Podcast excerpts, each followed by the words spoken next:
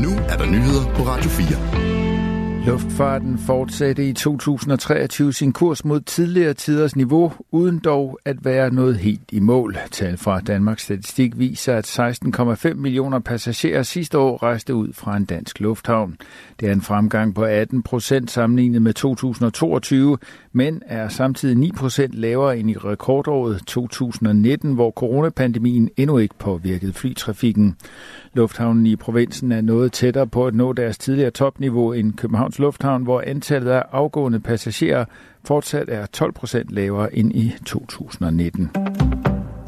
Alexei Navalny's stab opfordrer alle, der har kunne se en mening med den afdøde oppositionspolitikers arbejde til at dukke op til hans begravelse i dag i Moskva. Samtidig ventes russisk politi at være markant til stede.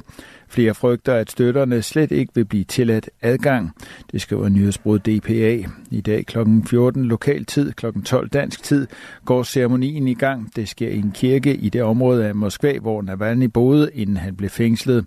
To timer senere skal han begraves på Borisovski Kirkegården Navalny's stab har ifølge nyhedsbureauet Reuters oplyst, at de planlægger at livestreame begivenhederne både fra kirken og fra kirkegården. Det flugter dog langt fra med de russiske myndigheders ønsker. Det har blandt andet lyttet, at Navalny's mor af myndighederne blev stillet et ultimatum vedrørende begravelsen. Angiveligt skulle han enten begraves i stilhed eller i den straffekoloni, hvor han døde, har hans stab fortalt. Ultimatummet blev dog afvist af hans mor. Den 69-årige Ludmila ventes at deltage, men derudover er det uklart, hvem der faktisk får lov til at komme ind i kirken. Det gælder blandt andet Navalny's enke Julia Navalnaya, som aktuelt befinder sig uden for Rusland, men som har anmodet om tilladelse til at deltage. Navalnaya har blandt andet markeret sig ved at sige, at hun vil videreføre sin mands politiske kamp efter hans død. Hun har også meldt, at hun mener, Navalny blev udsat for tortur på præsident Vladimir Putins ordre. Over en milliard mennesker på tværs af jorden betragtes som svært overvægtige, det vurderer Verdens Sundhedsorganisationen WHO og en række internationale forskere i et nyt studie.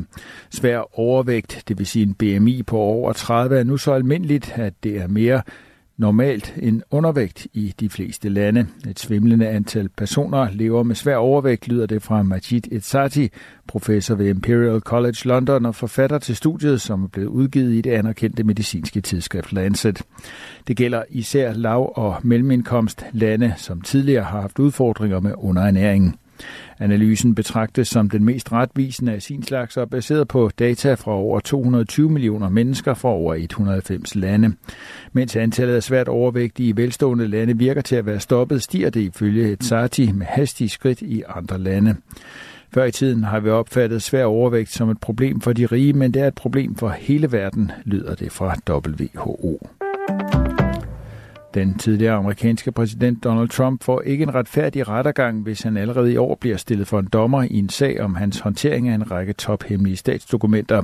Sådan lyder det et retsdokument forfattet af ekspræsidentens advokater. I dokumentet lyder det direkte, at det ikke er i overensstemmelse med den amerikanske forfatning, hvis retssagen går i gang i år. Der henvises til sydlandet til, at sagen vil påvirke Trumps chancer for at føre valgkamp frem mod præsidentvalget den 5. november.